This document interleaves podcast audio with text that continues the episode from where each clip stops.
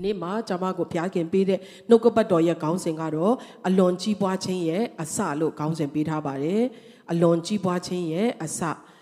ကျမ်းစာလေးတစ်ပိုက်အခြေပြုကျမ်းလေးအရင်ဖတ်ပါမယ်ယောဘအခန်းကြီး၈အခန်းငယ်9ယောဘဝတ္ထုအခန်းကြီး၈အခန်းငယ်9တင်သည်အစဦး၌ငယ်တော်လဲနောက်ဆုံး၌အလွန်ကြီးပွားလိမ့်မည်ဖတ်သွားတဲ့နှုတ်ကပတ်တော်အပြင်အရောက်တိုင်းကိုဘုရားကောင်းချီးပေးပါစေ။ လူတွေကအလွန်ကြီးပွားခြင်းကိုလူတိုင်းလိုချင်တယ်နော်အလွန်ကြီးပွားလိမ့်မည်ဆိုရင်ကျမတို့ကအာမင်ကြဲကြဲထူးကြတယ်သို့တော်လဲနော်အရှိမဘာရေးထားလဲဆိုတော့အစဦး၌သေးငယ်တော်လဲလို့ရေးထားတယ်ဆိုတော့ဒီအပိုင်းလေးနှစ်ပိုင်းကိုကျမတို့အနှဲငယ်သွားဖို့ရန်အတွက်ဖြစ်ပါတယ်အလွန်ကြီးပွားခြင်းကအထူးသဖြင့်ကျမတို့ယုံကြည်သူတွေလိုချင်ရမယ့်အရာနော်လိုအပ်သောအရာဖြစ်တယ်ကျမတို့ဒီတလလုံးเนาะတိုးပွားခြင်းကြီးထွားခြင်းနဲ့ပတ်သက်တဲ့ဘုရားရဲ့နှုတ်ကပတ်တော်တွေကိုခံယူရတယ် ဒါတွေကကျမတို့စိတ်ကျေနပ်အောင်ပြောတာဝါသနာပါလို့ပြောတာမဟုတ်ဘဲနဲ့ဖခင်ရဲ့နိယာမကိုအရင်ဆုံးကျမတို့ခံယူရတာဖြစ်တယ်เนาะကျမတို့ဖခင်ကတိုးပွားခြင်းနိယာမရှိသောဖခင်ဖြစ်တယ်ဟာလေလုယာ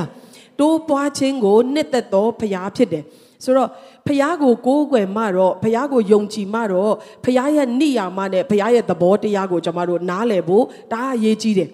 ရေကူးတင်တဲ့လူကအရင်ဆုံးဘာလို့ရလဲဆိုတော့ရေရဲ့သဘောတရားကိုသင်ရတယ်နော်လေထီးခုံမဲ့လူကဘာကိုသင်ရလဲဆိုတော့လေရဲ့အသွားလာလေရဲ့သဘောထားကိုသင်ယူရတယ်ဒီနေ့ကျမတို့ဖျားနဲ့အတူသွားလာတော့ဖျားရဲ့သားသမီးများယုံကြည်သူများဖျားရဲ့အလေးအလာကိုသိချင်းနိုင်လဲတိုးပွားတော်သူများဖြစ်ရအောင်ဟာလေလုယာ ဖခင်ရဲ့ဖြစ်ခြင်းကိုနားလည်တော်သူဖခင်ရဲ့အလေးအလာဖခင်ရဲ့နှလုံးသားဖခင်ရဲ့လှုပ်ဆောင်မှုပုံစံတွေကိုနားလည်တော်ရိပ်မိလွယ်တော်သူများဖြစ်ဖို့ဖခင်ကောင်းချီးပေးပါစေ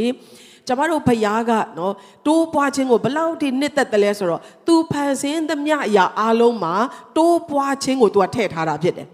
တိုးပွားခြင်းနိယာမကိုသူကအမြဲတမ်းသူဖန်ဆင်းသောအရာတွေထဲမှာထည့်ထားသောဖခင်ဖြစ်တယ် တရိษံတွေလည်းတိုးပွားရတယ်လူတွေလည်းတိုးပွားရတယ်တစ်ပင်ပန်းပန်းတွေလည်းတိုးပွားရတယ်เนาะမတိုးပွားတဲ့အရာမရှိအောင်ဘုရားကကောင်းကြီးပေးထားတာဖြစ်တယ်ဒါကြောင့်ကျွန်တော်တို့လောဘကြီးဖို့เนาะအာငါတိုးပွားပါစေငါကြီးထွားပါစေငါကောင်းစားပါစေဆိုတော့ငါငါငါဆိုတဲ့အရာအတွက်မဟုတ်ပဲねအိုးဘုရားကငါ့ကိုဖန်ဆင်းတဲ့ဘုရားကငါ့ကိုဒီအတိုင်းပဲရှိစေခြင်းတဲ့ဘုရားမဟုတ်ဘူးတိုးပွားစေခြင်းတဲ့ဘုရားဖြစ်တယ်ဟာလေလုယာ အောင်မြင်စေခြင်းတဲ့ဘုရားဖြစ်တယ်ချီးမြှောက်ခြင်းကိုပေးခြင်းတဲ့ဘုရားဖြစ်တယ်ဆိုတာကိုနားလည်ရအောင်အဲ့ဒါကဘုရားရဲ့နှလုံးသားဖြစ်တယ်ဟာလေလုယာဟာလေလုယာ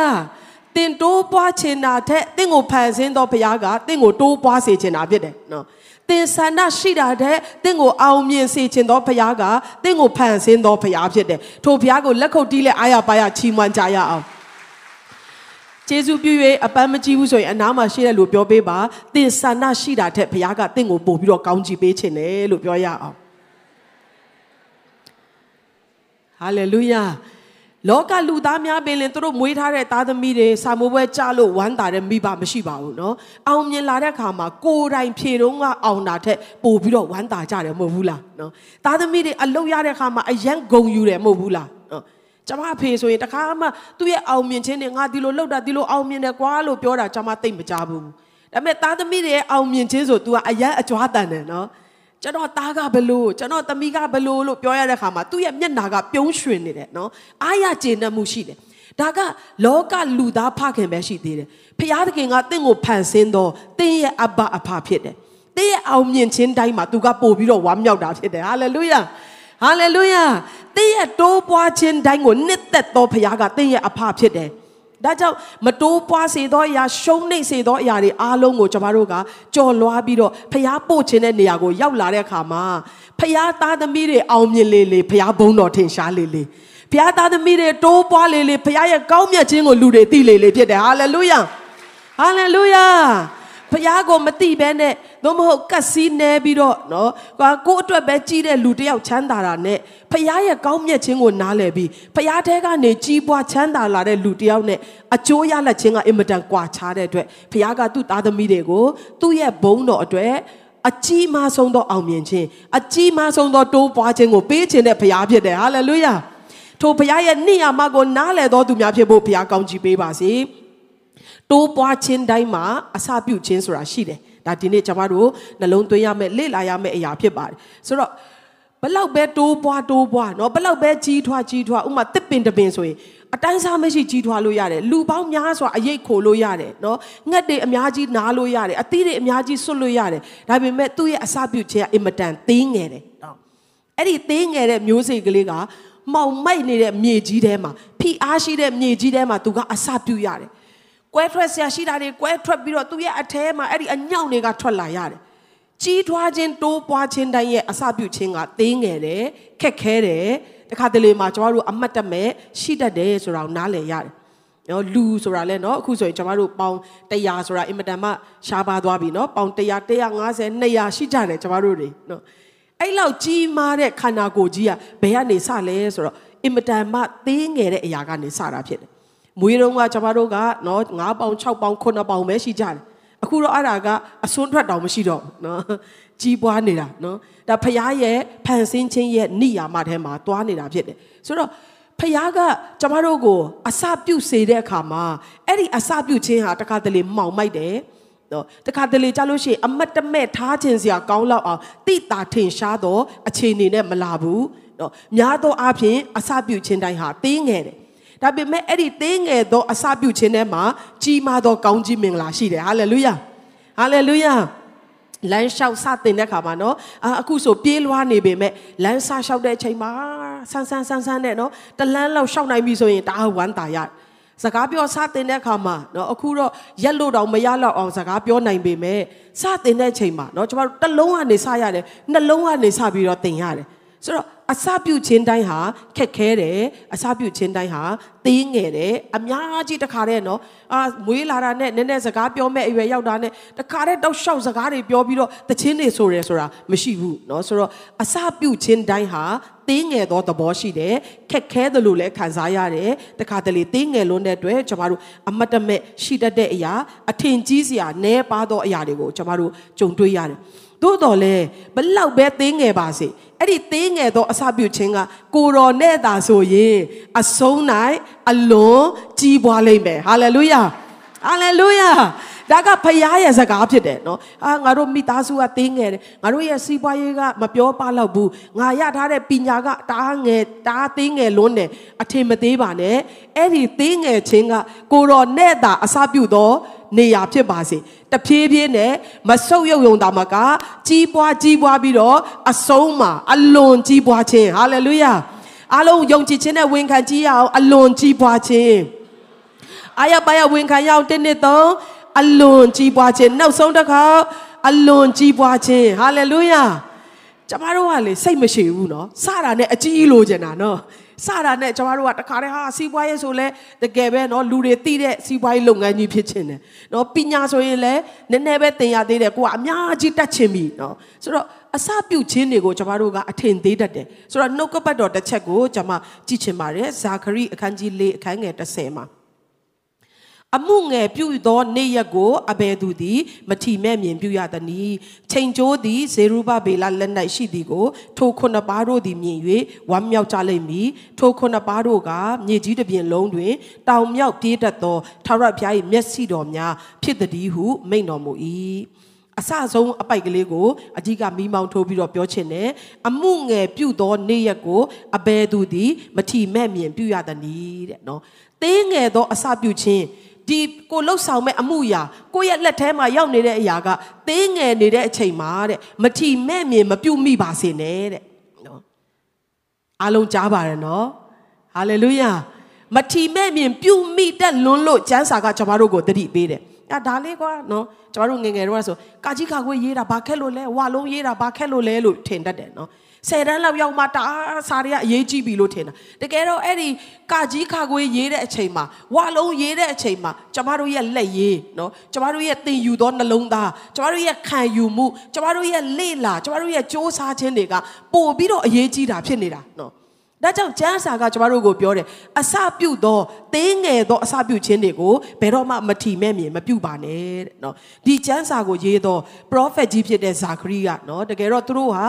ဘာဘုလုံနိုင်ငံကသူတို့ကိုစစ်တိုက်ပြီးတော့နိုင်သွားတဲ့ခါမှာသူတို့ကစစ်တုံးပန်းအဖြစ်နဲ့ပါသွားတယ်နှစ်ပေါင်း80နေရတယ်နော်အဲ့ဒီနှစ်ပေါင်း80အတွင်းမှာမွေးသောသူဖြစ်လိမ့်မယ်လို့ကျမ်းစာကပြောထားတယ် ဆိုတော့သူကစစ်တုံပန်းဖြစ်တဲ့နေရာမှာမွေးဖွားလာတယ်ကြီးပြင်းလာတယ်ဖခင်ကသူ့ကိုရွေးကောက်တယ်သူ့ကိုလွတ်မြောက်လာတဲ့အခါမှာနှစ်ပေါင်း80ကျော်လို့ဒီဘာဘူးလုံကနေပြီးတော့စစ်တုံပန်းဖြစ်တဲ့ဘဝကနေပြန်လဲပြီးတော့သူတို့တိုင်းပြည်ကိုပြန်သွားဖို့ရန်အတွက်လွတ်မြောက်လာတဲ့ပြန်လာတဲ့အဖွဲ့ထဲမှာသူပါလာတယ် ပါလာတဲ့အခါမှာဘုရားကတင်တို့ဒီနော်ဒီယေရုရှလင်မြို့ကိုပြန်လဲပြီးတော့ပြုစုရမယ်မြို့ရိုးတွေကိုပြန်လဲတည်ဆောက်ရမယ်နော်နေဟမိတို့မှစ၍အေဇရာတို့နော်သူတို့အသီးသီးတာဝန်ယူကြရတယ်ယူတဲ့အခါမှာတချို့တွေကမြို့ရိုးတွေကိုပြန်လဲတည်ဆောက်တယ်တချို့တွေကဗိမာန်တော်ကိုပြန်လဲတည်ဆောက်ကြတယ်ဆိုတော့ prophet Haggai နဲ့အတူဒီဗိမာန်တော်ယေရုရှလင်မြို့မှာရှိတဲ့ဗိမာန်တော်ကိုပြန်လဲတည်ဆောက်ရတော့သူကဇာခရီးဖြစ်တယ်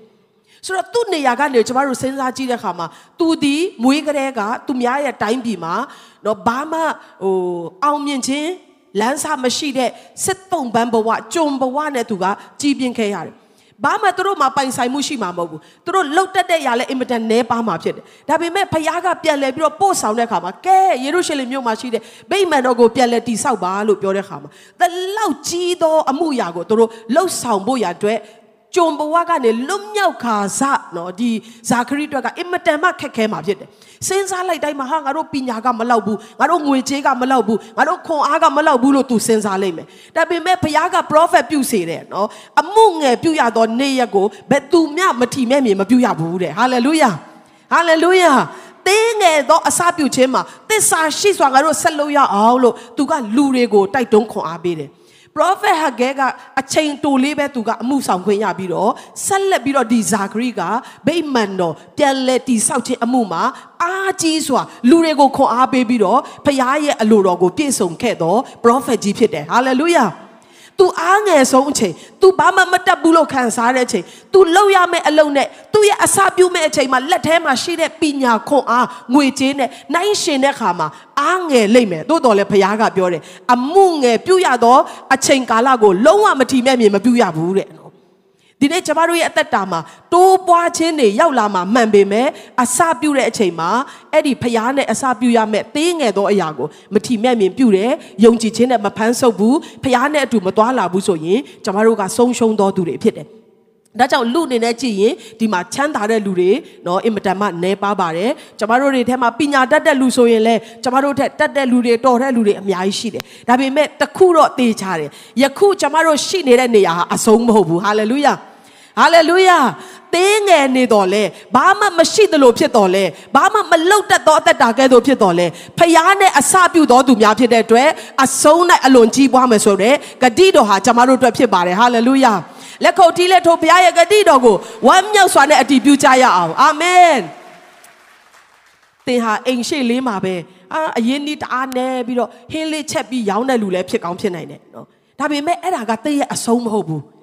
တင့်ကိုဖရားအစပြုစေသောနေရာဖြစ်တယ်။တင့်ကိုဖရားကအဲ့ဒီအစမှာပင်အတူရှိတယ်လို့အလယ်မှာလည်းအတူရှိမယ်။အဆုံးထိပို့ဆောင်မဲ့ဖရားဖြစ်တယ်။တင်းငယ်ပါစေဖရားနဲ့အစပြုပါဟာလေလုယာ။ဖရားနဲ့ဆက်လက်ချီတက်ပါအဆုံးမှာအလွန်မတန်မှကြီးမားသောဖရားရဲ့ကောင်းခြင်းမင်္ဂလာကစောင့်နေတာဖြစ်တယ်။တိုးပွားခြင်းကစောင့်နေတာဖြစ်တယ်ဆိုတာကိုကျွန်တော်တို့ယနေ့နားလည်ရတယ်နှုတ်ကပတ်တော်အားဖြင့်။ဒါကြောင့်အမှုငယ်ပြုရသောကာလနော်လက်ထဲမှာအရန်သေးငယ်သောငွေကြေးကိုကင်တွယ်ရတဲ့အချိန်နော်။ လာခါနဲ့ဝင်ငွေနဲ့ထွက်ငွေမမျှတဘဲနဲ့ငိုကြွေးနေရရင်တောင်မှအဲ့ဒီလက်ထဲမှာရှိသောအရာဒီဖျားပေးသောအစပြုခြင်းဖြစ်တဲ့အတွက်ဝမ်းမြောက်ပါကျေးဇူးတော်ချီးမွမ်းပါယုံကြည်ခြင်းနဲ့စတင်ပြီးတော့သုံးဆွဲပါဖျားကတိုးပွားစေမှာဖြစ်တယ်ဟာလေလုယာဟာလေလုယာတိုးပွားခြင်းနိယာမကိုအင်မတန်နှစ်သက်သောဖခင်ကကျွန်တော်တို့ကိုးကွယ်သောဖခင်ဖြစ်ပါတယ်ဆိုတော့သေးငယ်သောအစပြုခြင်းဆိုတဲ့အရာနဲ့ပတ်သက်ပြီးတော့ကျွန်မကျမ်းစာတွေကလူတချို့ရဲ့အသက်တာအဖြစ်ခွန်အားယူပါတယ် လူတချို့ဟာကျမ်းစာထဲမှာအင်မတန်ကြီးမားစွာဘုရားသခင်အသုံးပြုတဲ့လူပုဂ္ဂိုလ်မြောက်များစွာဟာသူတို့ရဲ့အစပြုခြင်းကအင်မတန်သိငယ်တယ်နော်သူတို့ရဲ့အစပြုခြင်းကလူမသိသူမသိဖြစ်တယ်သူတို့ရဲ့အစပြုခြင်းကနာကျင်မှုတွေရှိတယ်ကျင်းမြောင်းခြင်းတွေရှိတယ်ခက်ခဲတယ်လို့ခံစားရတယ်မိသားစုတွေကိုကျွန်မကြည့်တဲ့အခါမှာလဲနော်အစပြုတဲ့အချိန်ကတအားခက်ခဲတယ်နော် လင်မယားနှစ်ယောက်ဖြစ်လာတဲ့ခါမှာတချို့တွေကတော့မိဘတွေချမ်းသာတဲ့အတွက်နေစရာအိမ်တစ်ခါတည်းရှိတယ်စီးစရာကားတစ်ခါတည်းရှိရင်ရှိမှာပေါ့နော်ဒါပေမဲ့မိသားစုဆိုတာအစပြုတ်ခြင်းဟာမိသားစုတိုင်းအတွက်ခက်ခဲတယ်ဘာမှအခြေတကြမရှိဘူးအိမ်ဝယ်နိုင်ဖို့နော်မိသားစုဆက်ပြီးတော့အသက်ရှင်ရပ်တည်နိုင်ဖို့စ조사ရပါတယ်ရုန်းကန်ရတယ်နော်နောက်မှတဖြည်းဖြည်းကျယ်ဝန်းလာတယ်နော်နောက်ဆုံးမှာအာ အိမ်တွေအကြီးအကြီးတွေပိုင်ပြီးတော့သားသမီးတွေလည်းကြီးလာပြီးတော့ကိုယ့်အိမ်ထောင်ထဲကိုရှိသွားတဲ့အခါမှာတော့မှအိမ်ကတအားကြီးလွန်ပြီးတော့နော်ကျမအဖွားဆိုရင်ငါမဝစ်ချင်တော့တဲ့အခါထမိန်တွေတအားများတယ်တဲ့နော်တအားချစ်ကြတော့လေဟာငွေရှာလာနိုင်တဲ့အခါမှာအဖွားကိုထမိန်တွေဝယ်ပို့ကြတယ်လက်ဆောင်တွေပေးကြတယ်ဒါပေမဲ့သူတို့ရဲ့မိသားစုရဲ့အစာပြုတ်တဲ့နေရာကိုပြန်ကြည့်မယ်ဆိုရင်တအားခက်ခဲကြတယ်နော်ဒါပေမဲ့အဲ့ဒီအစာပြုတ်ခြင်းတိုင်းကအဆုံးကိုရောက်ဖို့နော်ဖရားပေးထားတဲ့ကောင်းခြင်းမင်္ဂလာဖြစ်တယ်ဟာလေလုယာ အထင်မသေးမိပါနဲ့မထီမဲ့မြေမပြုတ်ပါနဲ့လို့ယနေ့ဖခင်ကကျွန်မကိုလည်းစကားပြောနေတာဖြစ်တယ်။ကျမ်းစာထဲမှာကျွန်မကြည့်တဲ့အခါမှာအခုတလုံးမကြာခဏပြောဖြစ်တဲ့မုံငါးလုံးနဲ့ငါးနှက်ကောင်တိုးပွားတဲ့အရာနော်။ဆိုတော့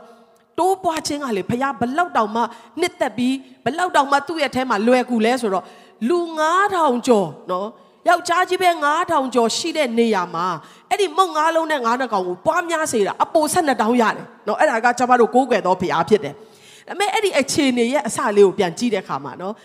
မောင်မိုက်နေပြီနော်ညနေရောက်သွားပြီမိုးချုပ်တော့မယ်တောရက်ဖြစ်တယ်စားစရာမရှိဘူးဆိုင်မရှိဘူးဝယ်မယ်ဆိုရင်လည်းမဝယ်နိုင်ဘူးဝယ်နိုင်ရင်လည်းဘာမှရောင်းတာမရှိဘူးထမင်းမစားရတာကြာပြီနှုတ်ကပတ်တော်ကိုအရန်စားငတ်လို့ကိုရောနောက်ကိုတကောက်ကောက်လိုက်ကြတယ်ဆိုတော့ဘိုက်အရန်စားတဲ့ချိန်မှာလူကလေတာမန်စားတာတဲ့ပို့ပြီးတော့စားနိုင်တယ်နော်ဘိုက်တွေကဟောင်းလောင်းဖြစ်နေတော့လေမနှဲထည့်ရမှာနော်မနှဲဖြည့်ရမှာဆိုတော့ ယေရှုကအာကိုတော့မိုးချုံနေပြီသူတို့ကိုပြန်လွတ်ရအောင်လို့တပည့်တော်တွေပြောတဲ့ခါမှာအေးကောင်းသားပဲပြန်လွတ်လိုက်ငါလည်းခဏနားချင်တယ်မပြောဘဲနဲ့သူတို့ကနှုတ်ကပတ်တော်ကိုစာငတ်ပြီးတော့ယေရှုနောက်ကိုတကောက်ကောက်လိုက်တာဆိုတော့ယေရှုကသူတို့ကိုမင်းတို့ကြွေးမွေးလိုက်ပါတဲ့ယေရှုကအခြေအနေကိုနားမလဲတာမဟုတ်ဘူးအခက်ခဲတွေကိုမသိတာမဟုတ်ဘူးနော်အရက်အခြေအနေအရက်ရက်ကိုတော်လကောင်းအခက်ခဲကိုတော်လကောင်း तू သိတယ်ဒါပေမဲ့ကြွေးမွေးပါလို့ပြောတဲ့ခါမှာအာတပည့်တော်တွေကလည်းနော် အမျိုးမျိုးသူ့ကိုပြောပြတာပေါ့ကိုတော့မတိမတိဘူးလားဆိုတဲ့ပုံစံနဲ့နော်ကိုတော့ဒါတောရက်ကြီးလေမိုးကချုပ်နေပြီတလောက်လူအုပ်ကြီးကိုဘာနဲ့ကြွေးမှလဲနော်တကယ်တမ်းဆိုင်ရှိလို့ဝယ်ကြွေးမယ်ဆိုရင်တော့မှပတ်စံကတော်တော်များများလိုအပ်တာဖြစ်တယ်အဲ့ပတ်စံလည်းကျွန်တော်တို့မှမရှိဘူးဟာအနုလက္ခဏာစကားတွေတစ်ခုပြီးတစ်ခုတင်ပြတယ်နော်ကျမတို့လည်းအနုလက္ခဏာတင်ပြဖို့ဆိုရင်တအားတော်ကြတယ်နော်ဟိုဟာမရှိဘူးဒီဟာမရှိဘူးဟိုဟာအဆင်မပြေဘူးဒီဟာအဆင်မပြေဘူးနော်တင်ပြတဲ့ခါမှာကိုတော်ကအေးအဲ့ဒါတွေငါအမတ်တမဲ့ဖြစ်သွားတယ်လို့မပြောဘူးနော် သင်တို့၌ဘာစားစရာရှိလဲပြောတဲ့ခါမှာကလေးလေးတယောက်ကသူ့မှာရှိတဲ့မုံငါးလုံးနဲ့ငါးနှကောင်ကိုယူလာတယ်ဒီနေ့ကျွန်မဘာကိုခွန်အားယူလဲဆိုတော့ကျမ်းစာကဘာပြောလဲမိန်းမနဲ့ကလေးမပါတဲ့ယောက်ျားကြီးပဲ9000ကျော်ကိုတဲ့အဲ့ဒီမုံငါးလုံးနဲ့ငါးနှကောင်အပြင်ကျွေးမွေးတယ်ဝါစွာကျွေးပြီးတော့အပို12တောင်းရတယ်တဲ့ဒါပေမဲ့အဲ့ဒီအပို12တောင်းနဲ့ဝါစွာစားရသောစားစရာတွေကိုဖြစ်စေတဲ့မုတ်ကိုယူလာတဲ့ကလေးကလေ ကျန်းစာကမှတ်တမ်းတင်တဲ့လူ9000ထဲမှာမပါဘူးစဉ်းစားကြည့်နော်ယောက်ျားကြီးပဲ9000လို့ပြောတယ်ရေတွက်ချင်းထဲမှာစရင်မဝင်တော့ကလေးလေးတယောက်ရဲ့ယုံကြည်ခြင်းကအစာပြုတ်လာတဲ့အခါမှာသူကရေတွက်တဲ့ထဲမှာမပါတော့လဲရေတွက်ခြင်းကိုခံရတဲ့လူတွေအတိမပြုတ်တဲ့လူများစွာကိုကြွေးမွေးတော်သူဖြစ်သွားတယ်ဟာလေလုယာသင်ဟာဒီနေ့ရေတွက်တဲ့အခါမှာစရင်မဝင်တော်သူဖြစ်ကောင်းဖြစ်လိမ့်မယ်ဒါပေမဲ့အစာပြုတ်ပါဟာလေလုယာ သေးငယ်သောအစနဲ့ဖခင်နဲ့တူအစာပြုပါဖခင်ကတင့်ကိုလူအများကြီးအတွက်ကောင်းကြီးဖြစ်စေမှာဖြစ်တယ်ဟာလေလုယာဟာလေလုယာရေတွက်ခြင်းကိုမခံရတဲ့အတွက်ဘုရားကတင့်ကိုမသုံးတာမဟုတ်ဘူးဘယ်သူကမှတင့်ကိုမရေတွက်ရင်လည်းဘုရားကတင့်ကိုသုံးလို့ရပါတယ်လက်ခုပ်တီးလက်ထိုးဘုရားရဲ့ကြီးမားခြင်းအတွက်အသစ်တစ်ဖန်ပြန်လဲပြီးတော့လက်ခုပ်တီးချီးမွမ်းကြရအောင် ဟာအသင်းတော်မှာရေတွက်တဲ့ခါမှာသို့မဟုတ်မြို့ရွာမှာဆွေမျိုးသားချင်းတွေထဲမှာရေတွက်တဲ့ခါမှာသင်ဟာနံပါတ်1ရေတွက်ချင်းခံရတဲ့လူဖြစ်ချင်မှာဖြစ်မယ်ဒါပေမဲ့သင်လက်ထဲမှာရှိတဲ့သင်ငယ်သောအရာအဖြစ်လေကိုတော်ကအစာပြုစေခြင်းသောဖရားဖြစ်တယ်ဟာလေလုယာကျမတို့ကအကြီးကြီးနေရအကြီးကြီးရမှနော်အာငါကကြည်စမ်းရေတွက်တာတော့ငါ့ကိုထဲမတွက်ဘူးငါလုံးဝမပေးဘူးနော် ကျမတို့ရဲ့သဘောထားကထိုကဲ့သို့ဖြစ်တယ်ဒါပေမဲ့ရေတွက်ဝင်တဲ့အဲမှာတော့မပါတော့ကလေးလေးတယောက်အားဖြင့်ဘုရားကကြီးမားသောအမှုကိုပြုလိုက်တာဒီနေ့ထိကျမတို့ခွန်အားယူနေရတာဖြစ်တယ်သင်ဟာဘုရားရဲ့တမိုင်းမှာစံချိန်တင်သောရေတွက်ခြင်းကိုဝင်သောသူဖြစ်ဖို့သင်ရဲ့အစာပြုခြင်းတိုင်းမှာဘုရားခင်ကောင်းချီးပေးပါစေ။ ဒါဝိရဲ့အသက်တာနော်ကျမတို့အမြဲတမ်းသူ့အားဖြင့်ခွန်အားယူရတယ်သူဆက်ဆိုးတဲ့တခြင်းတွေအားဖြင့်အမြဲတမ်းခွန်အားယူရတယ်ဒါပေမဲ့သူ့ရဲ့အစပြုခြင်းကိုပြန်ကြည့်တဲ့ခါမှာနော်တက်သေးဝင်ဖို့လဲသူကအရေးချင်းမမီဘူးနော်အကိုတွေလိုမျိုးခွန်အားအစွမ်းတက်တိအရက်အမောင်းလည်းမရှိဘူးနောက်ဆုံးမှအဖေရဲ့သိုးတွေကိုကြောင်းပြီးတော့တောထဲမှာပဲသူနေရတယ်ဘယ်လောက်ထိသူဟာ ဟဟိုသူ့ရဲ့အစပြုခြင်းကသေးငယ်တယ်လဲဆိုရင်နော်ရှင်ဘရင်ဖြစ်ဖို့ရအတွက်ဆိုပြီးတော့ prophet ကြီးကစီဘူးကြီးကိုကင်ပြီးတော့ဗိတ်သိပ်ပေးဖို့ရောက်လာတဲ့အခါမှာအဖေကမေ့တာတော့မဟုတ်တော့ဘူးနော်သူ့သားမွေးထားတဲ့သားကိုမမေ့တော့ဘူးဒါပေမဲ့ဘယင်ယာဒူးအတွက်ဗိတ်သိပ်ပေးဖို့ရန်ထိုက်တန်တဲ့စရင်ထဲမှာ तू မပါခဲ့ဘူးဒါပေမဲ့ကြီးမားစွာသူ့ကိုအသုံးပြုပြီးတော့ကောင်းကြီးပေးတော်ဖခင်အဆုံး၌အလွန်ကြီးထွားစေတော်ဖခင်ကကျွန်တော်တို့ကိုးကွယ်တော်ဖခင်ဖြစ်တယ် ဟာလေလုယာဒီနေ့သေးငယ်သလိုခံစားရသလားကျင်းမြောင်းသလိုခံစားရသလားဘာမှအရာမဝင်သလိုခံစားရသလားတင့်ကိုဘုရားကကောင်းကြီးပေးချင်တာဖြစ်တယ်တင့်အားဖြင့်တိုးပွားခြင်းတင့်အားဖြင့်ကြီးမားတဲ့ဘုရားရဲ့ကောင်းကြီးမင်္ဂလာကိုထင်ရှားစေချင်တာကဘုရားဖြစ်တယ်ဟာလေလုယာ ဟာလေလုယာမိသားစုထဲမှာဒီယာဒုအတွက်တော့ဒီအဆင့်အတွက်တော့ဒီလောက်အတွက်တော့သူကမထိုက်တန်ဘူးလို့တင့်ကိုမွေးထုတ်လိုက်တဲ့ဖခင်မိခင်ကပါတာလေတင့်ကိုအနှိမ့်ဆုံးသောနေရာမှာထားတဲ့သူဟာတင်ဖြစ်တယ်ဆိုရင်ဒီနေ့ဖခင်ကတင့်ကိုမမေ့ပါဘူးဟာလေလုယာ ဟာလေလုယာသူကဟာငါတိုးပဲကြောင်းရတယ်လို့စိတ်ညစ်ပြီးတော့မငြီးတွားဘူးမချီနှောင်ဘူးနော်သူကတိုးကြောင်းရင်းနဲ့ဘုရားကိုချီးမွမ်းနေတယ်တိုးကြောင်းရင်းနဲ့သူ့ရဲ့တိုးတွေနဲ့သူ့ရဲ့ဆက်ဆံရေးကိုဘုရားနဲ့သူ့ရဲ့ဆက်ဆံရေးအဖြစ်နဲ့သူကမြင်ရောက်ပြီးတော့တစ်ချိန်လုံးဘုရားရဲ့ကောင်းမြတ်ခြင်းသူ့ရဲ့ယုံကြည်ခြင်းကိုသူကပြုစုနေတယ်ဟာလေလုယာဟာလေလုယာ တင်းငယ်သောအစာပြုခြင်းကိုမထီမဲ့မြင်မပြုပါနဲ့အဲ့ဒီတင်းငယ်သောမျိုးစေ့အဲ့ဒီတင်းငယ်သောအခြေအနေထဲမှာကိုတော်နဲ့အတူသွားလာပါပြုစုပါအဲ့ဒီမျိုးစေ့ကနေပဲအဲ့ဒီအစာကနေပဲကျမတို့ကအဆုံးကိုရောက်မှာဖြစ်တယ်ဟာလေလုယာ ကျမဒီနှုတ်ကပတ်တော်ကိုနော်ကိုကိုတိုင်အတွက်လည်းဖြစ်သလိုဒီမှာရှိတဲ့ညီကိုမောင်နှမတွေ online ကနေနားထောင်နေတဲ့လူအမတ်တမဲနဲ့စာတန်ကကျမတို့ကိုလေမင်းကလက်ထဲမှာရှိတဲ့ຢာကဘာမှလုံလုံလောက်မှာမဟုတ်ဘူးမင်းရဲ့ဘဝကအယမ်းသိငယ်တယ်နေ့ထဲကနေကောင်းတဲ့ຢာဘာမှမထွက်နိုင်ဘူးဒီနေ့ဘက်လင်မျိုးကနေကောင်းသောຢာဘာထွက်နိုင်တယ်လဲလို့ပြောတဲ့နေຢာကနေပဲကျမတို့ဖခင်ကကြီးထွားလာတာဖြစ်တယ်မွေးဖွားလာတာဖြစ်တယ်ဟာလေ လုယာဟာလေလုယာလူတွေရဲ့သုံးသက်ချက်နဲ့လူတွေရဲ့အမြင်ကအတီမဟုတ်ဘူးဖခင်ရဲ့အမြင်ကပဲအတီဖြစ်တယ်တင်ကကျမကိုအမျိုးမျိုးမြင်လိုက်မယ်ကျမလည်းကိုကိုကိုအမျိုးမျိုးမြင်လိုက်မယ်ဒါပေမဲ့အဲ့ဒါကနောက်ဆုံးအတီမဟုတ်သေးဘူးနောက်ဆုံးအတီကဖခင်ရဲ့အမြင်ဖြစ်တယ်ဟာလေလုယာဖခင်ကတင့်ကိုမျိုးစေးလို့မြင်တာဖြစ်တယ်ဖခင်ကတင့်ကိုတင်းငယ်တော့လဲအဆုံးမှာဘာတွေဖြစ်မလဲဆိုတော့တိပြီးသားနဲ့ဖန်ဆင်းတော့ဖခင်ဖြစ်တယ်ဟာလေလုယာဟာလေလုယာ ကျမတို့လူသားပင်လေမျိုးစေ့တစ်စိတ်ကိုစိုက်တဲ့ခါမှာစိုက်လိုက်တာနဲ့ဩဒါကတော့အပင်ပေါက်လာမယ်ဒါကတစ်ချိန်မှာဘယ်လောက်ထိကြီးမယ်ဘာအသီးတွေတီးမယ်ဆိုတာသိတယ်ဆိုရင်တင့်ကိုဖန်ဆင်းတော်ဖရားကတင့်အแทမှာကောင်းသောအရာတွေကိုထည့်ပြီးတော့ဖန်ဆင်းတော်ဖရားဖြစ်တယ်အဆုံး၌အလွန်ကြီးပွားခြင်းရရှိမဲ့သူများအာရပဲလက်ခုပ်တီးပြီးဖရားကိုတခါချီးမွမ်းကြရအောင်ဒီနေ့ကျွန်မရောတက်ရဲ့အသက်တာနော်အဲကျန်းစာမှာဖတ်တော့ဘဲနဲ့လူတချို့ရဲ့အသက်တာကျွန်မခွန်အားယူတဲ့အရာတွေကိုပြန်လဲဝေမျှခြင်းရောတက်က တကယ်တော့နော်တိတ်ပြီးတော့အစပြုတ်ခြင်းဟာသေးငယ်ယုံတာမကတအားကိုတနာစရာကောင်းတဲ့ပုံကိုတယောက်ဖြစ်တယ်ညီကောင်မောင်နှမတွေရဲ့ဆွန့်ပစ်ခြင်းကိုခံရတယ်ရောင်းစားခြင်းကိုခံရတယ်ဘလောက်နာခြင်းမလဲနော်ကြုံဘွားရောက်တဲ့အခါမှာ तू အတကုံစ조사တယ် तू ရှိတဲ့နေရာတိုင်းမှာဖျားပုံတော်ထင်ရှားဖို့ तू နေတယ်တကယ်လဲတိုးပွားခြင်းတွေရောက်လာတယ်ဒါပေမဲ့ကြုံဖြစ်တဲ့အခါမှာနော်သူ့ရဲ့ဖြစ်တည်မှုကိုနိုင်ကကြုံဖြစ်တဲ့အခါမှာမတရားအမှုစင်ပြီးသူ့ကိုထောင်ထဲကိုထည့်တယ်တဘောကဘာလဲဆိုတော့ဒီကောက်ငါတို့ကြိုက်တယ်လို့လုပ်လို့ရတယ်သူ့မှာ background မရှိဘူး သူ့ကိုငါတို့ဘလို့ပဲညင်ဆဲညင်ဆဲဘလို့ပဲဆက်ဆံဆက်ဆံဘသူမှသူ့မှာကြောထောက်နောက်ခံမရှိဘူးငါတို့သူ့ကိုကြိုက်တယ်လို့လုပ်လို့ရတယ်ဆိုတော့အနေထားမှာ तू ရှိခဲ့တယ်သို့တော်လဲ तू ကရေတွင်းပြက်ကြီးတဲ့ရောက်တဲ့ချိန်မှာလဲဖျားနဲ့အတူအစာပြုတယ်ဟာလေလုယာဂျုံဖြစ်တဲ့ချိန်မှာလဲ Potiphar အိမ်မှာရှိတဲ့ချိန်မှာလဲဂျုံဖြစ်တဲ့အစာပြုတယ်ထောင်ထဲရောက်သွားတယ် အိုးငါမှသာမိဘတွေကြောထောင်းနောက်ခါရှိတယ်ဆိုငါကိုလူတွေကဒီလိုမျိုးမထီလေးစားလုပ်မှာမဟုတ်ဘူးသူတို့လှုပ်ချင်တိုင်းလှုပ်သူတို့ဂွင်စင်တိုင်းဂွင်စင်ပြီးတော့ငါကိုဒီလိုမျိုးမတရားမှုနဲ့ထောင်ထဲကိုထည့်တယ်သူနာကျင်မှာပဲလူသားတယောက်နေနဲ့ဒါပေမဲ့သူ့ရဲ့အစပြုခြင်းကဖရားနဲ့ဖြစ်တယ်သူ့ရဲ့တိုးပွားခြင်းကဖရားနဲ့ဖြစ်တယ်ဟာလေလုယာ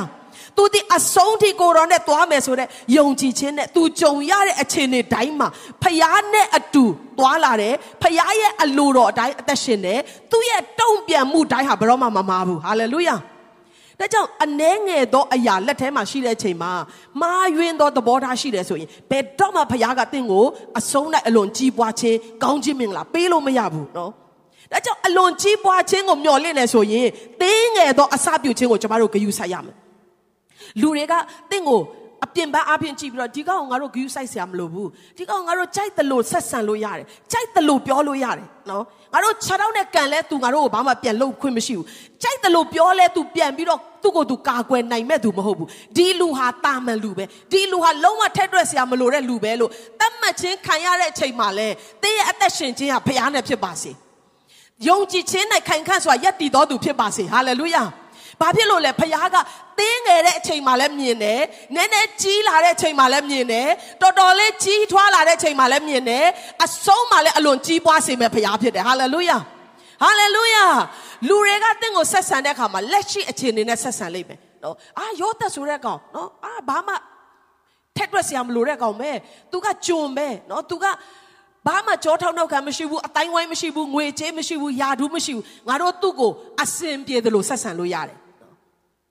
ဒီအချိန်တွေကိုကြော်လွားလာတဲ့အချိန်မှာသူ့ကိုတစ်ချိန်မှာအာဒုတိယဘယင်ခံချုပ်ဖြစ်မဲ့လူလို့တာတိတယ်ဆိုရင်အဲ့ဒီအချိန်မှာသူ့ကိုညှင်းဆဲတဲ့လူလည်းညှင်းဆဲရဲမှာမဟုတ်ဘူးအဲ့ဒီအချိန်မှာသူ့ကိုရှုံချတဲ့လူကလည်းရှုံချရဲမှာမဟုတ်ဒါပေမဲ့လောကဖြစ်တဲ့အတွက်လူတွေကကျမတို့ကိုအပြင်ပန်းမြင်ရတဲ့အရာနဲ့ပဲဆက်ဆံကြလိမ့်မယ်ကိစ္စမရှိဘူးတင့်ကိုအထင်သေးတဲ့အချိန်မှာလဲငါဖျားနဲ့အစပြုတ်နေတယ်ဟာလေလုယာ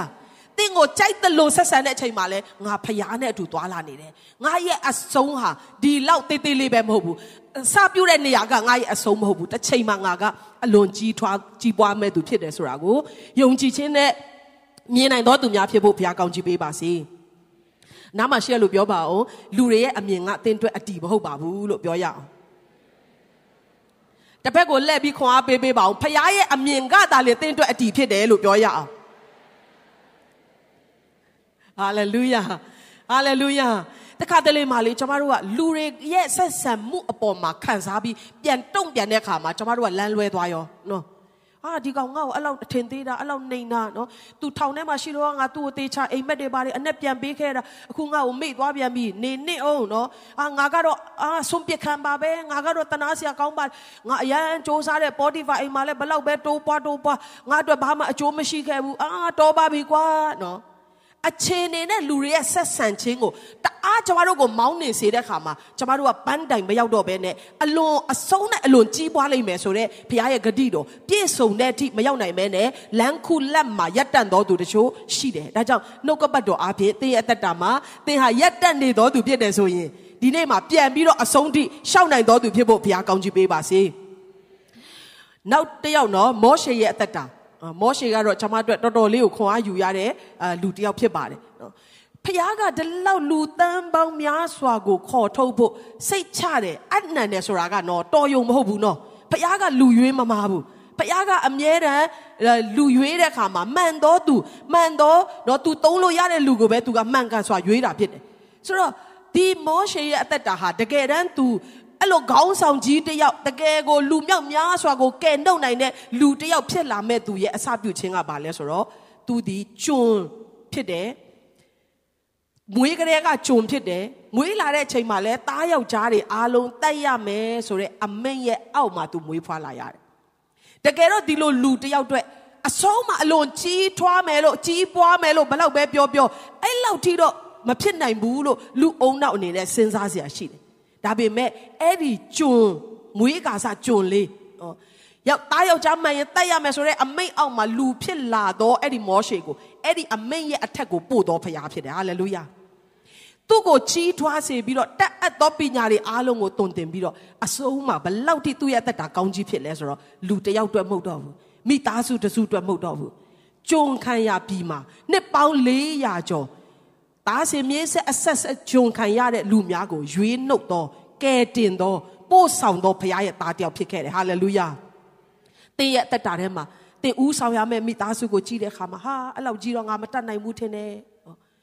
တင်းဦးဆောင်ရမယ့်တင်းရဲ့ဆွေမျိုးသားချင်းတွေတင်းရဲ့ လှုပ်ဆောင်မှုတွေ company တွေနော်ဝန်ထမ်းတွေတို့မို့အတင်းဦးဆောင်ရတဲ့အသင်းတော်ကြည့်တဲ့အခါမှာဟာငါတို့ခွန်အားနဲ့တော့အဲ့လောက်ကြီးတော့မဖြစ်နိုင်ဘူးထင်တယ်ငါတို့ရဲ့အတွေ့အကြုံနဲ့ငါတို့ရဲ့အနေထားနဲ့ဒါပေမဲ့ဖခင်ကပြောတယ်ဘလောက်ပဲတင်းငယ်ပါစေတဲ့အားငယ်စရာမရှိသလိုအထင်သေးစရာလည်းမရှိဘူးအဲ့ဒီတင်းငယ်တော့အစပြုခြင်းကငါနဲ့သာဖြစ်တယ်ဆိုရင်တဖြည်းဖြည်းတဖြည်းဖြည်းတိုးပွားရင်နဲ့တိုးပွားရင်နဲ့အဆုံးမှာဟာလေလုယာအားလုံးပြောကြည့်အောင်အဆုံးမှာအဆုံးမှာ ဖခင်ကစိတ်ဝင်စားတာကအဲ့ဒီအဆုံးထိရောက်ဖို့ဖြစ်တယ်ဟာလေလုယာအဲ့ဒီအဆုံးမှာမှအလွန်ကြီးထွားခြင်းနော်တကက်အဆုံးစွန်တရားရခိုင်တော့တိုးပွားသောအသက်တာကိုကျွန်တော်တို့မြင်ရမှာဖြစ်တယ်နောက်ဆုံးကျွန်မခွန်အားယူတဲ့လူပုဂ္ဂိုလ်နော်နူနာတဲ့၄ယောက်ရှာမာရိမြို့ကိုရန်သူတွေဝိုင်းထားတယ်ဘလောက်ထိခက်ခဲလဲဆိုတော့တားကိုတောင်ပြုတ်စားရတဲ့ကိုမွေးတဲ့တားကိုပြုတ်စားရတဲ့အခြေအနေမှာရှိတယ် အရန်ခက်ခဲတယ်နော်ဖြက်လေးဖြက်အကုန်ဖြက်တယ်သူတို့မှစားစရာမရှိတော့ဘူးဘာဆိုဘာမှမျောလင်းချက်မရှိတော့ဘူးနောက်ဆုံးကိုမွေးတဲ့သားကိုတတ်စားတယ်ဆိုကြတဲ့ကနော်အဲ့ဒီဟာစားပြီးတော့ဘိုက်ဝရင်နည်းနည်းအသက်သက်ရှင်မဲ့လုံးဝမရှိလို့ကုံသွားတဲ့ခါမှာတေးမယ်ပေါ့ဒါပဲသူတို့ရဲ့နောက်ဆုံးရဲ့မျောလင်းချက်ဖြစ်တယ်ဒါပေမဲ့အဲ့ဒီမြို့ထဲမှာရှိတဲ့တထေးတကြွယ်တွေ ပညာတတ်တွေနော်တကယ်ပဲဟိုလူကြီးလူကောင်းတွေမြို့ရဲ့မျက်နှာဖုံးတွေစရင်ဝင်တဲ့လူတွေအများကြီးရှိပေမဲ့အဲ့ဒီမြို့လွတ်မြောက်ဖို့ရန်အတွက်ဖခင်ကဘသူ့ကိုသုံးလဲဆိုတော့နူနာတဲ့၄ယောက်ကိုသုံးတယ်ဟာလေလုယာဒီနေ့ကျွန်မရဲ့ဝိညာဉ်ထဲမှာအထူးသဖြင့်ခံစားရတယ်နော်တချို့တွေကိုကိုကိုကြည့်ပြီးတော့တအားတင်းငယ်တယ်လို့ခံစားရတယ်တအားကိုနှိမ်ကြတယ်လို့ခံစားရတယ်ဘာမှမျောလင်းချက်မရှိတယ်လို့ခံစားရတယ်ဒါပေမဲ့သင်ကိုးကွယ်သောဖခင်ကသင်နဲ့အစာပြုခြင်းသောဖခင်ဖြစ်တယ်ဟာလေလုယာ ဟာလေလုယာဖခင်ထဲမှာအကန့်အသတ်မရှိဘူးဖခင်ထဲမှာဘယ်အရာကမှမစီတားနိုင်ဘူးနုနာတဲ့၄ယောက်ကစပြီးတော့စဉ်းစားလာတယ်ငါတို့ကဘာမှမထူးဘူးနေရင်လဲတစ်ချိန်တိုင်းငတ်ပြီးတော့တည်မယ်သွားလိုက်လို့ရှူရီတက်ထဲကလူတွေကငါတို့ကိုတွေးလို့တိုက်ရင်လဲသေမှာပဲဆိုတော့ဘာမှမထူးပါဘူးနော်သွားလိုက်မယ်လေစပြီးတော့ခြီတက်လာတယ်သူတို့ရဲ့ခြေတံဟာအားရစရာမကောင်းဘူး လူကောင်းတွေရဲ့ခြေတံနဲ့တူချင်မှတူမယ်သူတို့ရဲ့လမ်းလျှောက်တဲ့ပုံစံဟာအင်မတန်မှအားရစရာကောင်းတဲ့စစ်ချီစစ်တီတော်တွေစစ်ချီလာတယ်လို့ဖြစ်ချင်မှဖြစ်မယ်ဒါပေမဲ့ဘာပဲဖြစ်ဖြစ်ဒီတိုင်းသေးတာတဲ့တခုခုတော့လှုပ်ဆောင်မယ်ဆိုပြီးတော့ခြီတက်လာတဲ့နူနာတဲ့၄ယောက်ရဲ့ခြေတံကိုအင်မတန်မှများပြားတဲ့စစ်တီတော်တွေရဲ့ခြေတံကဲ့သို့ဘုရားကကြားစေတယ်ဟာလေလုယာဟာလေလုယာဘာ အဖက်မှမထည့်ထားဘူးဘာစပီကာမှမတတ်ထားဘူးဒါပေမဲ့ဖျားလှုပ်ရင်ဖြစ်တယ်နော်ဟာလေလုယာသူတို့စပြီးတော့ထွက်လာတဲ့ချိန်မှာသူတို့ရဲ့မျောလင့်ခြင်းဟာအသက်ရှင်ခွင့်ပေးရင်လည်းရှင်မယ်နည်းနည်းပါးပါကျွေးရင်လည်းစားမယ်တက်ရင်လည်းသေမယ်ဒါပေမဲ့လမ်းရင်လမ်းရင်လမ်းရင်နဲ့ဖျားတူပါရှိလာတဲ့ခါမှာနူနာတဲ့၄ယောက်ကဟာလေလုယာသေဖို့စောင့်နေတော့တမျိုးလုံးကိုကယ်တင်တော်သူတွေဖြစ်သွားတယ်အားရပါလက်ခုပ်တီးလက်ဖျားကိုချီးမွမ်းရအောင် ဟာလေလုယာဟာလေလုယာဘာမှမတက်တဲ့သင်အားဖြင့်ပဲဖခင်ရဲ့ဘုန်းတော်ထင်ရှားခြင်းတာဖြစ်တယ်။ဘာမှမလုပ်နိုင်ဘူးလို့လူတွေသတ်မှတ်ထားတဲ့သင်ရဲ့အသက်တာအဖြစ်ဘုရားကသူ့ရဲ့ကောင်းမြတ်ခြင်းကိုထင်ရှားစေခြင်းတာဖြစ်တယ်။ဟာလေလုယာ။ အယံတော်တဲ့လူတွေအယံတက်တဲ့လူတွေလှုပ်ဆောင်တဲ့အခါမှာသူတို့ရဲ့ပညာသူတို့ရဲ့ခွန်အားလို့လူတွေမြင်ကောင်းမြင်မယ်။ဘာမှမတက်တဲ့ဘာမှမရှိတဲ့နူနာတဲ့ကဲ့သို့ခြေချောင်းတွေတောင်မစုံတဲ့လက်ချောင်းတွေတောင်မစုံတဲ့နူနာတဲ့လေးယောက်ရဲ့ခြေတံအားဖြင့်ဘုရားခင်ကကြီးသောအမှုကိုပြုတယ်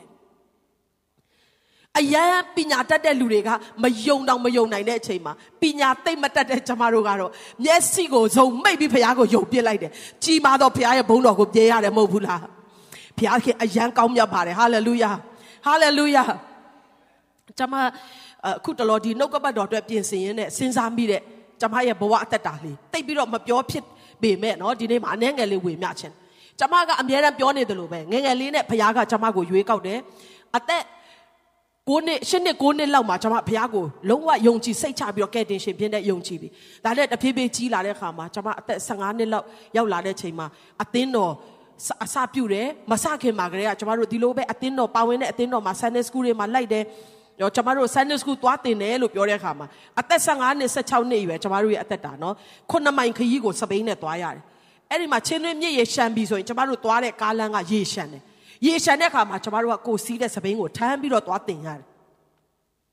အဲ့ဒီရေထဲမှာတခါတလေမွေတွေပါလာတယ်နော်အကောင်ပလောင်တွေပါလာတယ်တခါတလေအရန်ကြောက်တယ်ဒါပေမဲ့ကျမတို့စပိန်ကိုထမ်းပြီးတော့အဲ့ဒီ ရေတွေကြော်နေတဲ့လမ်းကိုနော်ကျမတို့သွားရတယ်။ဘသူမှကျမတို့အသင်းတော်ကထမင်းတလုံးမကြွေးဘူးနော်ဘသူကမှလမ်းမှာမုတ်စားပါဆိုတာမပေးဘူးနော်ကျမတို့ရဲ့မုံဖိုးလေးနဲ့အဲ့တုန်းကမုံတီတုတ်တပွဲမှာ၃ချက်လောက်ရှိတယ်နော်ကျမတို့ဝယ်စားပြီးတော့အဲ့ဒီကလေးတွေကိုစားသွားတင်တယ်နော်ပြန်လာတဲ့အခါမှာအယမ်းပျော်တယ်ဒါနဲ့တပြေးပြေးကျွန်မကြီးလာတဲ့အချိန်မှာအသက်20လောက်ရောက်လာတဲ့အချိန်မှာအသင်းတော်လဲစနေပြီအသင်းတော်မှာကျွန်တော်တို့မယုံကြည်သူတွေ ရှိတဲ့ရက်ွက်ပေါ့နော်ထတော်ရက်ွက်ဆိုတာရှိတယ်အဲ့မှာကျွန်တော်တို့က Sunday School အစပြုတယ်ယုံကြည်သူတရားမှမရှိဘူးလက်လုံလက်စားတကယ်ကိုဘာမှနော်မရှိတဲ့ရက်ွက်မှာကျွန်မစာသွားတင်တဲ့ခါမှာတအားခက်ခဲပါတယ်နော်အရန်ခက်ခဲတယ်ကျွန်မတို့မှာတင်စရာအခုလိုမျိုးအလွယ်တကူဟို curriculum တွေမရှိဘူးနော်သင်ရိုးညွှန်းနှန်းတွေမရှိဘူး ကိုဟာကိုဒီနေ့ငါဘာတင်မလဲဖះအကြောင်းသူတို့ငါဘာပြောနိုင်မလဲဆိုတာကိုလေ့လာရတယ်ပြီးတဲ့အခါမှာအဲ့ဒါနဲ့ကိုက်ညီတဲ့ရွှေချမ်းချက်ကိုရွေးတယ်တချင်းကိုရွေးတယ်အပုံပင်တွေကိုပြင်ဆင်တယ်ပြီးတဲ့အခါမှာသွားတင်တယ်တင်တဲ့ခါမှာတချို့တွေကနော်ဟိုခုနှစ်နှစ်လောက်ဆိုသူတို့ကခိုင်းစားပြီလေနော်အရန်ခက်ခဲတဲ့မိသားစုတွေဖြစ်တဲ့ခါမှာအဖေအဆိုင်မှာစပွဲထိုးလုပ်ဖို့ဘာလုပ်ဖို့ဆိုတော့အဲ့ဒီခုနှစ်နှစ်ရှစ်နှစ်အရွယ်ကလေးတွေ Sunday School လာတက်ဖို့ကတအားခက်ခဲတယ်နော် သူတို့လာပြီဆိုရင်သူတို့ရဲ့အငယ်ဘူးစုခရုတွေကိုသူတို့ကခြီလာပြီးတော့ခေါ်လာရတယ်နော်ကလေးထိရင်နဲ့မတက်ဘူးဆိုရင်သူတို့ကအချိန်ကုန်တယ်ဆိုပြီးမိဘတွေကမလွတ်တဲ့ခါကျတော့ဟိုတနစ်နှစ်အရွယ်တွေလည်းပါလာတယ်နော်သူတို့အပေါ်တွေသွားတယ်အလေးတွေသွားတယ်ကျွန်တော်တို့အဲ့ဒါတွေလည်းရှင်းရတယ်ဒါပေမဲ့အယမ်းပျော်တယ်ဖះကိုချစ်တဲ့စိတ်နဲ့ပျောက်ဆုံးသောဝိညာဉ်တွေကိုချစ်တဲ့စိတ်နဲ့တခါမှကျွန်မပင်ပန်းတယ်လို့မခံစားဘူးတအားဝမ်းမြောက်တယ်နော်အဲ့ချိန်မှာကျွန်မ ဘုရားခင်အမှုတော်ဆောင်အကြီးကြီးဖြစ်ခြင်းနဲ့အကြီးမားသောအရာတွေကိုလုပ်ခြင်းနဲ့လို့လည်းတခါမှဆုမတောင်းဘူးဘုရားကျွန်မကိုပေးတဲ့အရာနဲ့ကျွန်မတအားကျေနပ်တယ်တအားဝမ်းသာတယ်နော်အဲ့မှာကျွန်တော်တို့မုတ်ကလေးတွေပေးတယ်နော်သူတို့မိသားစုတွေကောင်းမွန်စွာဟိုလွတ်ဖို့စသဖြင့်ဆုတောင်းရတယ်ပြီးရင်အခန်းနဲ့တင်ရတာမဟုတ်ဘူးဒီလိုမျိုးပဲဟိုကိုပြစ်ပေါ်မှာတင်ရတာဖြစ်တဲ့ခါမှာအာယုန်တွေတအားပြန့်လွင့်တော့အာဝိညာဉ်တိုက်ပွဲတွေကြိုတင်ဝင်ရတယ်နော်ကိုယ်နဲ့ကိုတက်တလုံးမတ်တလုံးဆုတောင်းရတယ်ဒီလိုမျိုးနဲ့ခြိတက်လာခဲ့တယ် တဖြည်းဖြည်းနဲ့အမှုတော်ဆောင်ရင်းဆောင်ရင်းနဲ့ကျွန်မ2000နဲ့ဘယ်လောက်လဲ9လောက်ရောက်လာတဲ့ခါမှာလိုင်စင်ရဆရာမဖြစ်လာတယ်ဖြစ်လာပြီးတော့ကျွန်မမုံရွာမှာ MBA ပြန်တက်တဲ့ချိန်မှာအဖေကအဲငါလည်းမသွားနိုင်ဘူးဆိုတော့စလင်းကြီးတို့ဒီပလဲတို့ဘက်မှာရှိတဲ့ယုံကြည်သူတွေကပွဲတော်မစားရဘူးသူတို့မှာအမှုတော်ဆောင်မရှိတဲ့ခါမှာတမီးကလိုင်စင်ရပြီဆိုတော့သွားပါလို့ပြောတဲ့ခါမှာကျွန်မကဆိုင်ကယ်တစ်စီးနဲ့မိုင်20လောက်ဝေးတဲ့ခရီးကိုနေပူကျဲတဲ့ထဲမှာနော်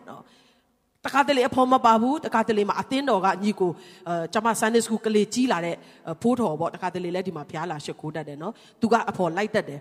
ဆိုတော့ဆိုင်ကယ်လေးကိုစီးပြီးတော့ကန်းကူးရမှာဖြစ်တဲ့အတွက်အဲ့ဒီချင်းတွင်းမြစ်ကိုကူးဖို့ကျွန်မကဇက်စိတ်လေးမှာနော်ပြင်ပြားလေးတစ်ချက်တစ်ချက်ပေါ်မှာဆိုင်ကယ်လေးကိုတွန်းပြီးတော့ကြောက်ကြောက်နဲ့သွားတယ်အဲ့ဒီကိုရောက်တဲ့ခါမှာသူတို့ကတကယ်ပဲမျောလင့်တယ်ပွဲတော်မစားရဘူးနှုတ်ကပတ်တော်မျောလင့်တဲ့ခါမှာသွားတိုင်းမှာတအားဝမ်းမြောက်တယ် အခုပြန်စဉ်းစားကြည့်တဲ့အခါမှာဟာလန်ခီမှာလူလည်းတယောက်မှမရှိဘူးဓမြလည်းတိုက်နိုင်တယ်နော်အမျိုးမျိုးဖြစ်နိုင်တယ်ဒါပေမဲ့ဘုရားကကွယ်ကာခဲ့တယ်ဟာလေလုယာကျွန်မပြန်ကြည့်တဲ့အခါမှာဘုရားသခင်ကျွန်မလူထောင်ပေါင်းများစွာရှေ့မှာမတည့်ရချင်တယ်လို့တခါမှဆုမတောင်းဘူးဒါပေမဲ့ဘုရားပေးသောအရာတိုင်းကိုကျွန်မအယံတန်ဖိုးထားတယ်ဟာလေလုယာအဲ့ဒီပလဲမှာဆလင်းကြီးမှာကျွန်မသွားတယ်တလားတစ်ခေါက်အမြဲတမ်းသွားတယ်နေ နေတားပူတယ်နော်အဖော်မရှိဘူးဆိုင်ကယ်နဲ့ပဲသွားရတယ်ဒါပေမဲ့ဖခင်ကိုအရန်ကျေးဇူးတင်တယ်အဲ့ချိန်မှာရှိတဲ့နှလုံးသားအခုလည်းအဲ့ဒီနှလုံးသားပဲလုံးဝမပြောင်းလဲဘူးအဲ့တုန်းကဖခင်ကိုချစ်တဲ့အတိုင်းအခုလည်းချစ်တယ်ဟာလေလုယာလူအများရှိမှပဲဖြစ်ဖြစ်လူတယောက်ရှိမှပဲဖြစ်ဖြစ်ဖခင်ပေးသောအရာဟာဖခင်ပေးတာဖြစ်တဲ့အတွက်အရန်တတ်ဖို့ရှိတာဖြစ်တယ်ဟာလေလုယာဟာလေလုယာဟာလေလုယာ တင်းရဲ့အစာပြုခြင်းကတင်းငယ်ကောင်းတင်းငယ်လိမ့်မယ်နော် Sunday school လေးပဲတင်းရတယ်လူ10ယောက်လေးပဲရှိတယ်မပြောပါနဲ့ဖခင်ပေးတဲ့အဲ့ဒီ10ယောက်ဟာတင်းသစ္စာရှိစွာပြုစုတယ်ဆိုရင်တစ်ချိန်မှာသူတို့ဒီတင်းမလုံနိုင်သောလုပ်တွေကိုလုပ်မဲ့သူများဖြစ်တယ် hallelujah ဟာလေလုယာငါကအိမ်ရှင်မလေးပဲဖြစ်တယ်ငါဘာမှမတတ်နိုင်ဘူးလို့မပြောပါနဲ့ဖခင်နဲ့အဲ့ဒီသင်ငယ်သောအရာမှာအစပြုပါကိုတော်ကသင်အားဖြင့်ကြီးမားသောမှုကိုပြုချင်သောဖခင်ဖြစ်တယ်ကျမရဲ့မိခင်ဟာအိမ်ရှင်မပါလောကအလုပ်ပတ်ဆိုင်ရတဲ့အလုပ်တစ်ခုမှသူမလုပ်ပါဘူးသို့တော်လည်းယနေ့သူရဲ့သားသမီးတွေကိုယုံကြည်ခြင်းနဲ့သူပြုစုတဲ့အခါမှာကျမတို့မောင်နှမ9ယောက်ကသူမလုပ်နိုင်တဲ့အလုပ်တွေကိုကျမတို့ဆက်လုပ်နိုင်တာဖြစ်တယ်ဟာလေလုယာ ဟာလေလုယာကိုရောနဲ့ဆိုရင်တင်းငယ်တဲ့ရတခုမှမရှိပါဘူးအဆုံးမလို့ကြီးမမဲ့ရများကိုတင်းရဲ့လက်ထဲမှာကိုရောပေးထားတာဖြစ်တယ်ဟာလေလုယာဟာလေလုယာဟာလေလုယာ HWC အသင်းတော်အခုကျမတို့ရောက်နေတဲ့နေရာဟာအဆုံးလုံးဝမဟုတ်သေးဘူးဖခင်ကဆက်လက်ကြီးထွားစေမယ်ဆိုတော့ယုံကြည်လက်အာရပါရလက်ကောက်တီးပြီးတော့အပိုင်သိမ်းကြရအောင် ကျမ်းစာလေးတစ်ပိုက်ကိုဖတ်ပြီးတော့အဆုံးသတ်ခြင်းနဲ့လူကာခန်းကြီး16အခန်းငယ်30မှာအနှဲငယ်သောအမှု၌တစ္ဆာရှိသောသူသည်ကြီးသောအမှု၌လည်းတစ္ဆာရှိလိမ့်မည်တင်ရတဲ့လာခကလောလောဆယ်တသိန်းပဲဖြစ်မယ်အဲ့ဒီတသိန်းပေါ်မှာတင်ဘလို့သဘောထားတယ်လေငါလုံနိုင်လို့ငါရတာလို့တင်ပြောသလားတော့မကိုတော့ပေးတာလို့ပြောသလားဟာလေလုယာ အဲ့ဒီသင်ငယ်တဲ့အချိန်မှာကိုတော့ဖခင်နဲ့တင်းရဲ့ဆက်ဆက်ရေးကိုမှန်ကန်စေပြီးတော့တစ္ဆာရှိသောသူကိုဖခင်ကကြီးသောအမှုကိုလည်းတစ္ဆာရှိမယ်လို့ယုံကြည်ပြီးတော့အနံမှာဖြစ်တယ်။အနှဲငယ်သောအမှု၌တစ္ဆာရှိသောသူသည်ကြီးသောအမှု၌လည်းတစ္ဆာရှိလိမ့်မည်။အနှဲငယ်သောအမှု၌တစ္ဆာမရှိသောသူသည်ကြီးသောအမှု၌လည်းတစ္ဆာမရှိ။တို့ဖြစ်၍မမြဲသောလောကီစည်းစိမ်ကို300တွင်တင်တို့သည်တစ္ဆာမရှိလျင်မှန်သောစည်းစိမ်ကိုတင်တို့၌အဘယ်သူအလိမ့်မည်နည်း။သူတပါအမှု၌တင်တို့သည်တစ္ဆာမရှိလျင်အဘယ်သူသည်အပိုင်ပေးမည်နည်း။ယနေ့ဘုရားခင်နဲ့အတူအစပြုသောသင်ရှိတဲ့နေရာလေးမှာ ဘလောက်ပဲသေးငယ်ပါစေဘလောက်ပဲအနှဲငယ်တော့အမှုဖြစ်ပါစေမထီမဲ့မြင်လုံးဝမပြုတ်ပါနဲ့မိတ်ဆွေဖျားတင်ကိုပေးတဲ့အရာလုံးဝမသေးဘူးဆိုတာနော်လုံးဝမငယ်ဘူးဆိုတာကိုယနေ့နားလဲစေခြင်းတယ်အဲ့ဒီသေးငယ်တယ်လို့မြင်ရတဲ့အထဲမှာအလွန်ကြီးပွားခြင်းကိုဖြစ်စေမဲ့မျိုးစေ့ကပါပြီးသားဖြစ်တယ်သူရဲ့အာနိသင်တဲ့အကုန်လုံးပါပြီးသားဖြစ်တယ်ဖြစ်စေနိုင်သောအစွမ်းတတ္တိတွေအားလုံးပါပြီးသားဖြစ်တယ်ထိုအနှဲငယ်သောအမှုသေးငယ်သောအစာပြုခြင်းကိုသင်ကသစ္စာရှိစွာ ကိုတော့ကိုတော့ကလောလောဆယ်တသိန်းပဲပေးတယ်အဲ့ဒီတသိန်းကိုဆယ်ဖို့တော့ဖို့မှန်ကန်စွာထည့်ပါမယ်ကိုတော့သုံးစေခြင်းတဲ့အတိုင်းမှန်ကန်စွာသုံးဆွဲပါမယ်မာရွေးသောအရာအတွက်မသုံးပါဘူးဆိုရင်ဘုရားကတင့်ကိုကြီးသောအရာကိုအပ်ဖို့ဝေမလေးသောဘုရားဖြစ်တယ်ဟာလေလုယာကြီးတော်မှုကိုပြုဖို့ဘုရားအတွက်လုံးဝမခက်ခဲဘူးဒါပေမဲ့သင်လက်ခံနိုင်တဲ့လောက်ပဲဘုရားကပေးတာဖြစ်တယ်